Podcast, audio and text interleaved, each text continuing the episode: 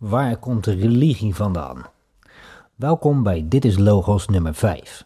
Excuus voor de lange pauze na aflevering 4, maar het leven leidt je soms een andere kant op en mijn prioriteiten worden gesteld op gevoel. Dus ik ben met hele andere dingen bezig geweest. Soms komen de dingen de kop opsteken en ik luister daar graag naar en richt mijn aandacht op hetgeen wat het lot mij brengt. Soms is het erg lastig, omdat de ingebakken prestatiedrang je vaak in een tunnelvisie doet belanden, waardoor je soms hele andere goede afslagen mist. Afgelopen weken werd mijn focus weer gericht op religie en meer het verlangen om mij verder te ontwikkelen in de Bijbelstudie. Een hele andere als de reguliere hoor. Ik heb het over het werk van Marty Leeds, getiteld Lord Jesus Christ. Op Twitter kom ik ineens weer veel geloofsverkettering tegen. En hoewel ik het eens ben dat religie een valse vertaling is van de werkelijkheid, voel ik mij toch geneigd om het geloof aan zich een beetje een soort van te verdedigen. Dat alle religies er zijn om controle uit te oefenen en het volk onder bedwang te houden, dat is een sterk statement, maar snijdt wel hout. Weinig religies vertellen je dat de echte kracht in jezelf zit en dat je die ook aan kunt spreken. Veel vaker is het geval dat je een externe kracht vereerd moet worden om tot verlichting te komen. Hiermee wordt een machtpositie verkregen door degene die jou kunnen vertellen hoe je dat zou kunnen bereiken. En natuurlijk heb je leraren nodig om kennis op te doen. En het is vaak zo, nu zo dat die leraren het monopolie op de kennis claimen en daar macht mee toe-eigenen. Kennis is van iedereen omdat het zich bevindt in het metafysische rijk. Dit is een algemeen goed en dient in het belang van de mensheid gedeeld te worden. Het achterhouden van kennis of het willen en wetens verdraaien en manipuleren van kennis zou gezien kunnen worden als heilige schennis. En het is een beetje vreemd om te zeggen, maar eigenlijk doen alle religies dat, heilig schennis. Het verdraaien en achterhouden van kennis. En mijn studie naar dit fenomeen heeft mij de conclusie gebracht dat het niet alleen voorkomt uit slechte wil of machtsconsolidatie, maar dat het verpakken in mysterieën, fabels en parabolen ook juist uitdaagt tot nader onderzoek over het onderwerp. En waarom juist? Waarom het juist zo in heilige geschriften staat weergegeven. Ik ben van mening dat de verlichting van de gehele mensheid samen zal gaan met wereldwijde openbaring van de verborgen kennis over deze realiteit. Je kan hieruit afleiden dat ik echt wel iets terugzie in ja, het verhaal van de terugkeer van Jezus. Alleen wel op een hele andere manier dan door veel anderen wordt voorgesteld. Om dit een beetje goed uit te leggen moet je er nog even blijven hangen, want hiervoor ga ik eerst wat andere dingetjes aanhalen. Maar hopelijk begrijp je na deze aflevering precies wat ik bedoel. Deze aflevering doe ik zonder aparte video. Het behoeft weinig visuele ondersteuning en al ben ik wel van plan om het met een paar overgangsbeelden ook via YouTube aan te bieden. Voorlopig dus alleen even hier bij Radio Gletscher, het radiostation dat als een van de pioniers bezig is de Coming of the Christ voor te bereiden. Dat verdient alle respect en veel dank dat ik terecht mag met mijn visie op deze realiteit hier zo. Vergeet je ook niet te abonneren op eh, ons YouTube kanaal Dit is Logos. Bij voorbaat dank en deel het met je vrienden. Terug naar de religie. Vaak wordt dat belachelijk gemaakt en tegengesproken door de tussenhaakjes wetenschap in de westerse wereld. De mens wordt zo wijs gemaakt dat wij alles al kunnen verklaren en dat wij zo super intelligent zijn. We hebben alles al uitgevonden en ja, we hoeven alleen maar op zoek naar meer om nog beter te worden. Het wordt niet begrepen als je zegt dat de realiteit bestuurd wordt door krachten die al duizenden jaren bekend zijn en gebruikt worden om jou in de staat te houden, zodat je nooit op zoek gaat naar deze krachten. Deze krachten zitten namelijk in jezelf en zijn gewoon bereikbaar. Hierdoor is er geen mogelijkheid tot een machtspositie. Dus om controle te houden over de massa hebben de machtshebbers veel gereedschappen ontwikkeld, waaronder religie. Hiervan uit is de afgelopen dit millennia de wetenschap voornamelijk gefinancierd door de Jezuïeten. En dat zie je nu nog aan Dr. Fauci, maar ook aan onder andere Einstein, Darwin, Copernicus. Die werden alle gecontroleerd door de Jezuïeten. Maar deze strijd tussen de kerk en de wetenschap is een gecreëerde. De basis natuurwetenschap leidt je naar een creator. Dus waarom zou religie dit niet omarmen? Omdat die wetenschap leidt tot onafhankelijke creërende wezens. Want iedereen draagt de creatie in zich mee en kan hem gebruiken op vele manieren. Dus wat moet je dan? Wanneer je inderdaad figuren als Pythagoras mysteriesch scholen gaat oprichten om wetenschap van de logos door te geven. Je maakt van de wetenschap ook een geloof en je gaat alle kennis manipuleren en achterhouden. In principe is een wetenschapper tegenwoordig ook ondergeschikt aan het overkoepelende orgaan zoals de WHO of het RIVM, anders word je verketterd. Huidige wetenschap is geen onderzoek meer, maar meer een religie met eenzelfde hiërarchie. Patent op kennis, achterhouden en verdraaien van kennis, het schrijven van bevestigende modellen en prognoses. Het is gewoon heiligschennis. Eigenlijk zoals de kerk ook zo zou doen, zoals velen zeggen. Ik denk dat de meesten het wel eens met mij zullen zijn als ik zeg dat de religies voortkomen uit de mysterieën. Als we teruggaan in de tijd, vinden we de heilige geschriften zoals de Mahabharata, het Egyptische boek der doden, de Indiase Rigveda's, de Bhagavad Gita, het epok van Gilgamesh. En al deze geschriften zitten helemaal vol met mythologische verhalen en hele diepe cryptische taal. Het is echt te makkelijk om te roepen dat er in die tijd zomaar wat verzonnen werd om het onverklaarbare te verklaren.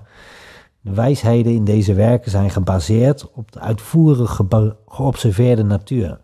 Dit was namelijk het allerbelangrijkste in een mensenleven. En in tegenstelling tot de hedendaagse materialistische levenswijze. De harmonie met de natuur, waar ook de Maya's hun kennis vandaan haalden. Die hebben de cyclus van de hemellichamen gepinpoint tot op de Great Year. En dat klopt exact, nog steeds. De patronen van de sterren, het tellen van de natuurverschijnselen in de lucht, Waarom gebruiken wij eigenlijk niet die kalender? Oh ja, onze kalender is gebaseerd op werktijden. Ze hebben zelfs een zomer- en een wintertijd tevoorschijn gehaald om nog een beetje meer productief tijd uit de werkers te halen. Maar ja, eh, ik ga weer afdwalen. Zoals gezegd komt wat inspiratie voor deze uitzending uit het boek van Marty Leeds, Lord Jesus Christ. En ik zal jullie meenemen in het voorwoord om wat duidelijk te maken waar ik de komende tijd naartoe wil met deze lessen occulte geheimschrijverij over spiritualiteit. Zijn openbaring op, zoals hij het noemt, is gekomen vanuit een trilliumbloempje, ofwel een drieblad. Hij zag hierin hoe de natuur eigenlijk als basismodel wiskunde en geometrie bevatte en dat dit weer voortkwam uit een zaadje die deze programmering in zich droeg, doorgegeven met alle data die het nodig had om zijn eigen cyclus te volbrengen. Zoals het werkt.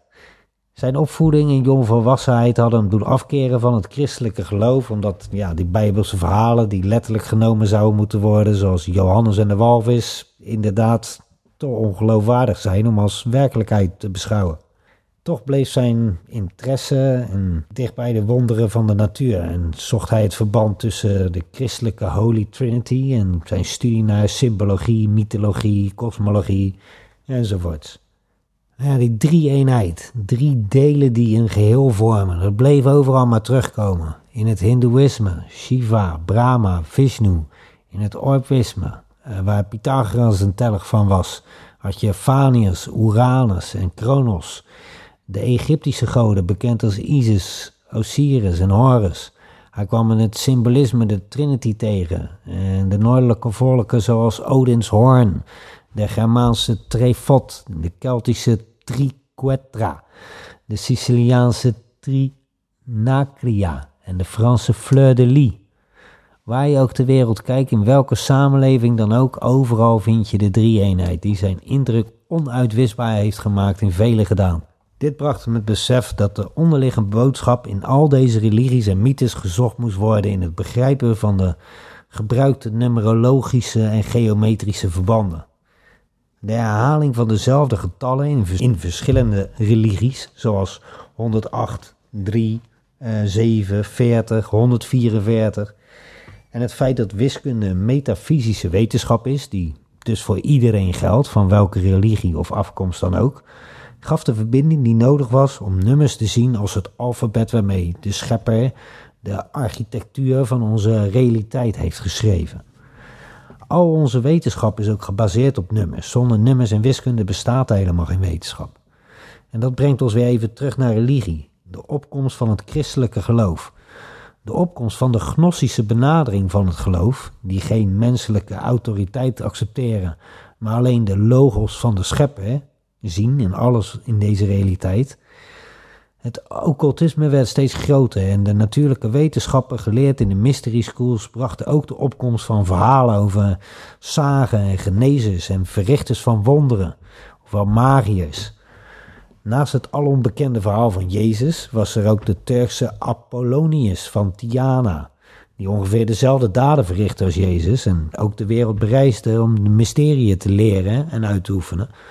Hij was begonnen als een Pythagoreaan en kwam ook in de rechtbank ter veroordeling door de Romeinen. Hij werd wel vrijgesproken en hij is later gestorven aan ouderdom, maar de opkomst van het Nieuwe Testament en het christendom ten opzichte van het judaïsme heeft deze occulte wetenschappen van de mystery schools snel bestempeld al als heiligschennis en de vervolging van de duivelse magie was geboren. Maar was deze magie wel zo duivels? Was het niet zo dat de occulte wetenschappen zoals alchemie en hermetisme overgenomen uit Egypte en India inderdaad mensen voortbrachten die de energieën konden besturen en zo mensen konden genezen en, tussen haakjes, wonderen verrichten? Toen de Romeinse machten het noorden overnamen, vervolgden ze direct alle druïden, de mensen met kennis van de natuur, zoals ook de Pythagoreaanse zogezegde occultisten vervolgd werden. Met het overgegaan van de ambt van bisschop van Rome tot paus werd de macht over de toenmalig voornamelijk gnostische christenen gecentraliseerd en werd het geloof verder gedogmatiseerd. Het vreemde is dat de orthodoxe patricische aanpak van de bijbelse exegese, ofwel tekstuitleg, je vertelt dat je het op een hermeneutische wijze moet bekijken. Dit is ten wijze afgeleid van de naam Hermes Mercurius Trismegistus. Ja, die waar de occulte wetenschappen vandaan komen. Ook het judaïsme volgt deze aanpak en dat is logisch aangezien het christendom gebaseerd is op het Oude Testament dat ze hebben overgenomen van het Joodse geloof. Dit heet bij hun de Tenach, Tenach. Een van de drie delen van de Tenach is de Torah. Deze bevat een mondeling doorgegeven mystery-kennis, genaamd de Kabbalah. Deze kennis hebben we vaker ter sprake gebracht en Martin Leeds laat zien in zijn boek dat deze kabbalistische kennis verwerkt zit in de Bijbel. En dat doet hij door gebruik te maken van simpele metafysische wetenschap die je van je handen af kunt lezen en het gebruik van het alfabet van de schepper 0 tot en met 9 zoals op je handen staat, 10 vingers, 0 tot en met 9. Als aangetoond kan worden dat de kabbalistische kennis uit het mondelinge geheime gedeelte van de Torah gecodeerd is doorgegeven in de naam Lord Jesus Christ in het Nieuwe Testament, dan wordt toch wel duidelijk dat religies dezelfde basis hebben, dacht ik zo. Mijn gedachtegang is als volgt. Rond het ontstaan van het christendom was er een beweging in de westerse wereld aan de gang die werd gedreven door de oerkennis van dit bestaan. Deze kennis is voornamelijk cryptisch, mondeling en in het geheim tot die tijd doorgegeven in de kringen van de heersende klasse. De kennis die ook mondeling werd gedeeld in het judaïsme is de vorm van Kabbalah, die je ook terugvindt in de mystery schools van Pythagoras. Uh, met een vijfjarige zwijgplicht kreeg je die alleen te leren. En deze werd mondeling ook gecodeerd door Plato, volgens velen. Dit is de kennis overgenomen uit Egypte van de Phonetiërs, de mechaniek van het leven en de verklaring van de levenscyclus van de mens en zijn omgeving. Het pad naar onsterfelijkheid, of in ieder geval het bereiken van de eeuwige jachtvelden in levende lijven. Dit is de wetenschap die ten grondslag ligt aan alle religies en dit is te bewijzen door je te laten zien dat de metafysische wiskunde, numerologie en geometrie terug te vinden is in al die geschriften. Dankzij Gematria kunnen we heel erg duidelijk en onomstotelijk aantonen dat de wiskunde die in onze handen verwerkt is, direct, direct is terug te vinden in de naam Jesus, volgens de telprincipes van de Phonetiërs, en dat dat weer overeenkomt met de leer van de Kabbalah die in het Judaïsme gegeven wordt. Ik ben dus van mening dat de originele King James Version Bijbel gecodeerd is geschreven om die geheime leer van uit het judaïsme door te geven. Dat deze kennis alleen op een moeilijke manier kan worden doorgegeven en niet openbaar gedeeld kan worden aan iedereen. Ja, dat heeft misschien zo zijn redenen. Misschien kan niet iedereen zo goed omgaan met deze krachten. En is het ook mogelijk om er slechte dingen mee te doen. In het judaïsme werd deze leer pas gegeven nadat je mm, uh, na je veertigste en na een goede initiatie. Maar ook dat is sinds een paar jaar overboord gegooid, heb ik gelezen. Wellicht is bekend dat deze kennis niet meer verborgen kan houden en wordt het nu geleerd aan iedereen.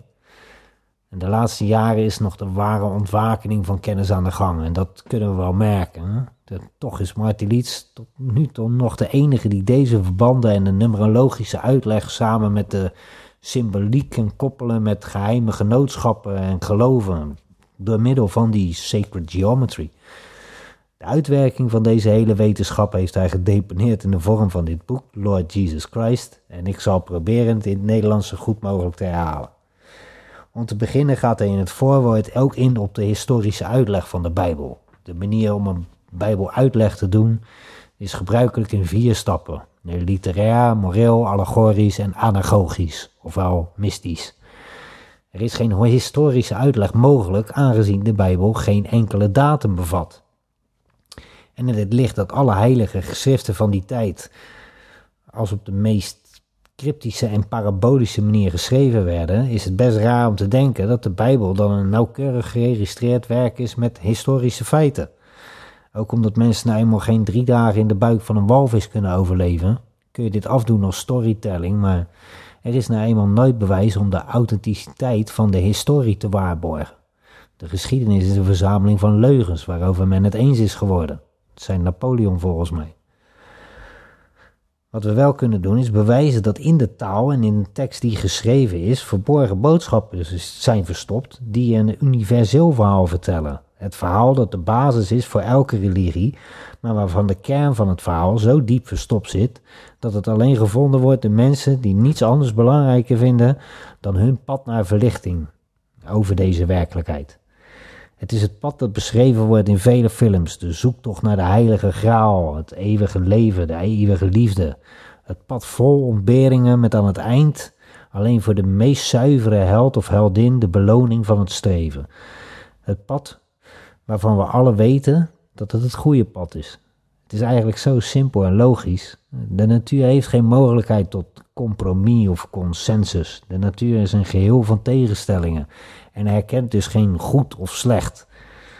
Slechts een tegenstelling van twee dingen in een geheel, als je begrijpt wat ik bedoel. De mens herkent wel goed en slecht als zodanig en heeft de kracht om deze energieën te sturen. Men kan positieve of negatieve energie overbrengen of vasthouden, als omdat wij lid zijn van deze natuurlijke omgeving. De wetenschap hoe energieën gebruikt kunnen worden, werken via numerologische en geometrische principes die de basis zijn voor het functioneren van deze realiteit. In ons lichaam bevindt zich een systeem dat kan zorgen voor het bereiken van een zogezegd Christ consciousness. Yogis en dergelijke kunnen je duidelijk uitleggen dat er rijken zijn buiten ons lichamelijk bestaan. En onze Wim Hof heeft wetenschappelijk bewezen dat we bewust onze eigen biologie kunnen aansturen met onze mind. In de Bijbel beschrijft exact hoe dit proces werkt. Alleen ze hebben het er niet letterlijk opgeschreven. Het is dus geen instructieboekje en het is zeker geen geschiedenisboekje. Maar hoe moeten we het dan wel bekijken? Wat Marty Leeds heeft gedaan en nog steeds doet in zijn zondagse hm, 9 o'clock weekly service is de taal volledig ontleden op elk niveau. Dat betekent de woorden omzetten in nummers met Engelse gematria. Dit heb ik in de vorige uitzending behandeld. Ook kijk je naar de verschillende fonetische aspecten. Het is niet ongewoon dat een lichte fonetische verandering een totaal andere betekenis aan een passage geeft. Er zijn natuurlijk de parabolische, moralistische boodschappen, de referenties naar de astronomie, voorbeeld daarvan is het verhaal van de Ark van Noah. En deze 600 jaar oude man bouwde in zijn eentje een schip dat twee soorten van alle dieren huisde, toch? En nu blijkt, heb ik laatst dan geleerd, dat er een sterrenhemel is die een ark of een schip voorstelt. En dat er ook allemaal koppetjes van dieren in de sterren zijn te zien. Dus eigenlijk die Bijbelse verhalen hebben een hele dichte relatie met de astronomie. En de astronomie die wij boven ons hoofd zien. Eh, daar komen deze verhalen vandaan. En die verhalen vertellen niet alleen verhaal, maar die vertellen een werkelijkheid. As above, so below. Zoals het in de sterren geschreven staat, zo is het ook op aarde. Die King James Version Bijbel is geschreven over jaren met behulp van de slimste mensen op aarde. De kennis van millennia moest worden gebundeld om de komende millennia bewaard te blijven. Bereikbaar en in het zicht van iedereen, maar zonder dat iemand het wist. Men kon nooit voorspellen wat er zou gebeuren en wie er aan de macht zou komen in de toekomst. Deze universele kennis moest wel bewaard blijven, totdat het tijd was om weder geopenbaard te worden. De apocalyps, ook wel de ontsluiering genoemd. Komt bekend voor? Het is dan niet zo vreemd dat als je op de achtergrond verschillende religies en geheime genootschappen steeds iets samenwerken en elkaar verbieden, opheffen en versterken, ja, het is allemaal één pot nat. En dat weten de hoogste ramen. Er is maar één logos. Die logos is de onzichtbare kracht en orde die alles heeft gestart en draaiende houdt. De motor van het self-sufficient systeem dat wij tegenwoordig het universum noemen. Het eenheidsverhaal, weet je nog?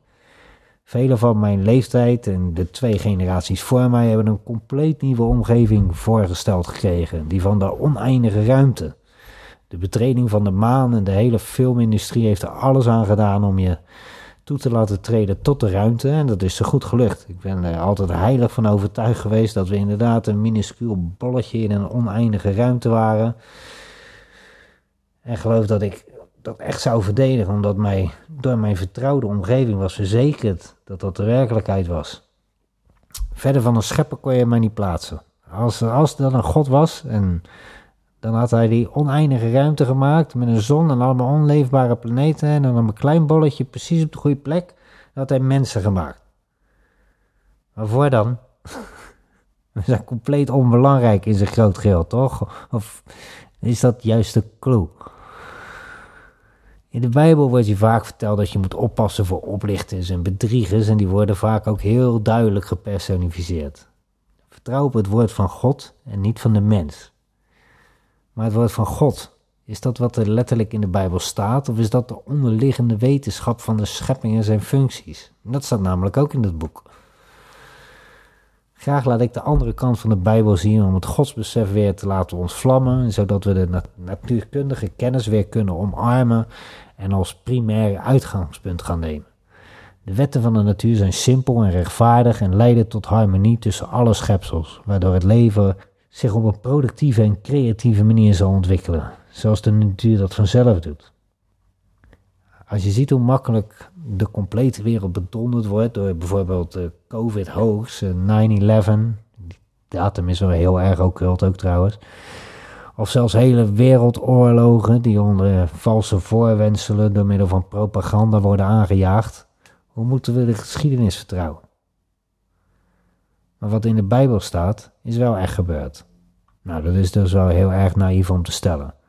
We kunnen de Bijbel niet zien als een geschiedenisboek, maar we kunnen hem ontcijferen om de universele tijdloze boodschappen eruit te halen en die te gebruiken een betere mensheid te worden.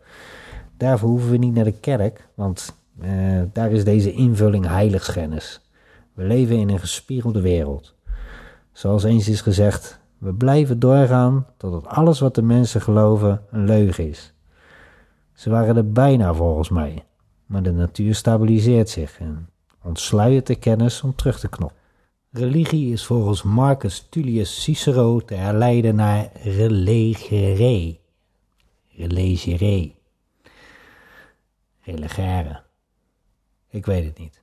Herlezen in ieder geval, overdoen, nauwgezacht in acht nemen en typeert ermee het begrip religie als een voortdurend en ijverig in acht nemen van alles wat op de verering van de goden betrekking heeft.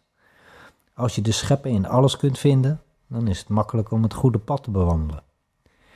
Verschillende moslims die ik gesproken heb, vertellen ook dat dit in het begin van de Koran te vinden is. Zoeken en blijven zoeken is het belangrijkste. Waarom zou dat zijn? Omdat de geheimen van het leven je niet in de schoot geworpen worden. Het geloof is net als het leven, een soort overgangsritueel. Zoals het groeien en ontbloeien en voortplanten van elk wezen gebeurt dit ook in het spirituele rijk. Wanneer dit gebeurt, ligt aan je opvoeding. En misschien wat genetische aanleg, maar voornamelijk aan de omgeving waarin je je bevindt. Worden je de wonderen van de natuur je als kind aangeleerd? Grote kans dat je tegen je volwassenheid spiritueel gaat ontplooien. Word je geïndoctrineerd in een dogmatisch systeem, of dat nu wetenschap of religie is? Je ontplooiing heeft weinig kans omdat je de basiskennis niet bezit om de verbanden te leggen dat alles een geheel is. En je moet leven volgens de natuurprincipes. For those who have eyes to see and ears to hear. De wil in deze realiteit is een drijvende factor. Wil je het echt weten en zet je er alles voor opzij, komt de kennis vanzelf naar je toe. Ik heb het meegemaakt, openbaringen op zoveel vlakken, direct achter elkaar, continu elkaar bevestigend en met aanwijzingen naar nieuwe wegen om te onderzoeken. We weten erg weinig van hoe deze realiteit werkt en mijn ervaring met de stortvloed aan kennis en de manier hoe die tot mij is gekomen heeft me laten zien dat er echt zoiets is als verlichting of een soort contact met een hogere macht. Wellicht is het lastig om te begrijpen als je het nog niet hebt meegemaakt, maar wanneer je openstelt en het komt, dan, nou ja, dan weet je het, of eigenlijk dan voel je dat het er is. Je bent verantwoordelijk voor je eigen daden en hetgeen waar je je energie in steekt, dat groeit. Geen smoesjes, maar al je energie erin steken. Weet dat het groeit? En het maakt niet uit of dat goed of slecht is, zoals ik al zei, de natuur kijkt daar niet naar. Maak eens een balans op voor jezelf en kijk hoe vaak je een leugentje voor eigen bestwil gebruikt. Hoeveel positieve energie zou je daar tegenover moeten stellen, denk je? Beter is het helemaal niet liegen, hè? dat weten we eigenlijk allemaal. Ik heb gemerkt dat het sturen van je wil en dus je energie echt heel snel en goed werkt. Dus ja, dan steek je ook je energie minder in, uh, of tijd in energierovende dingen die geen positieve uitkomst hebben. En je zult zien dat we echt veel tijd erg slecht gebruiken met z'n allen. Geen wonder dat het zo'n zootje is op aarde. De donkere krachten worden ongemerkt geboost, echt on daily basis. Een betere wereld begint bij jezelf dus. Vind Jezus in jezelf, want die zit overal in, staat in de Bijbel. Als je Jezus kan zien als een verzamelnaam voor alle kennis en logos, dan klinkt dat weer ineens heel logisch, toch? Religie komt dus voort uit de mysterieën en het concept is echt niet slecht van origine. Het is zoals alle bewegingen gekaapt door negatieve krachten en misbruikt om de mensheid niet natuurlijk te laten ontwikkelen. Een hoger bewustzijn is gevaarlijk in de materiële wereld. Er zijn krachten die het bewustzijn zo laag mogelijk willen houden. Dat is hun voeding. Zoals alles in de natuur elkaar voedt, gebeurt het ook op dat niveau. Het gaat om een natuurlijke balans en die is ver te zoeken in de tegenwoordige wereld. Misschien is het wel tijd voor een zondvloed. Een tijd dat alle zondigen weggespoeld worden. Is het niet een beetje een tijd waarin we ons bevinden? Aquarius, een heel nieuw tijdperk. Dat is begonnen met het ontsluieren van vele geheimen uit het verleden. De waarheid is als een dol aan het verspreiden. En ik ja, bedoelde met de terugkeer van Jezus is dat de ontcijfering van de naam Jezus en alle kennis die daaruit tevoorschijn komt, eigenlijk de terugkeer van de waarheid zal betekenen. Een waarheid die altijd geldt en alle leugens doet verbleken. Zoals wij proberen te prediken hier bij Dit is Logos. Vergeet je niet te abonneren trouwens. Het is tijd dat we leren wat we zijn en vooral waar we zijn. En dat besef zal alles veranderen, denk ik. Dat besef is nog wel heel erg moeilijk. Maar ja, dat is het mooie aan de uh, occulte wetenschappen. En natuurwetenschappelijke wiskunde, metafysische wetenschappen, die liegen nooit. En die kunnen je precies vertellen hoe alles werkt en hoe alles eruit ziet. En zodat je niet denkt dat je een vierkantje ziet als het een rondje is. Of andersom, dat je niet denkt dat je je in een kubus bevindt terwijl je op een balletje staat. Dank voor het luisteren en ik zal mijn best doen om zo snel mogelijk een nieuwe uitzending te produceren. Volgende keer wat wordt bedoeld met de mysterieën. Een zeer interessante uitleg en het volgende passage uit het boek van Marty Leeds. There's an old story that is still good, the story of the quest, the spiritual quest. That is to say, find the inward thing that you basically are. All of these symbols in mythology refer to you. Have you been reborn? Have you died to your animal nature and came to life as a human incarnation? You are God in your deepest identity. You are one with the transcendent. Joseph Campbell, The Power of Myth, with Bill Myers, episode The Mask of Eternity. Vond ik wel heel leuk om mee af te sluiten. En mensen, nogmaals bedankt voor het luisteren en open your mind. En tot de volgende keer bij Dit is Logos.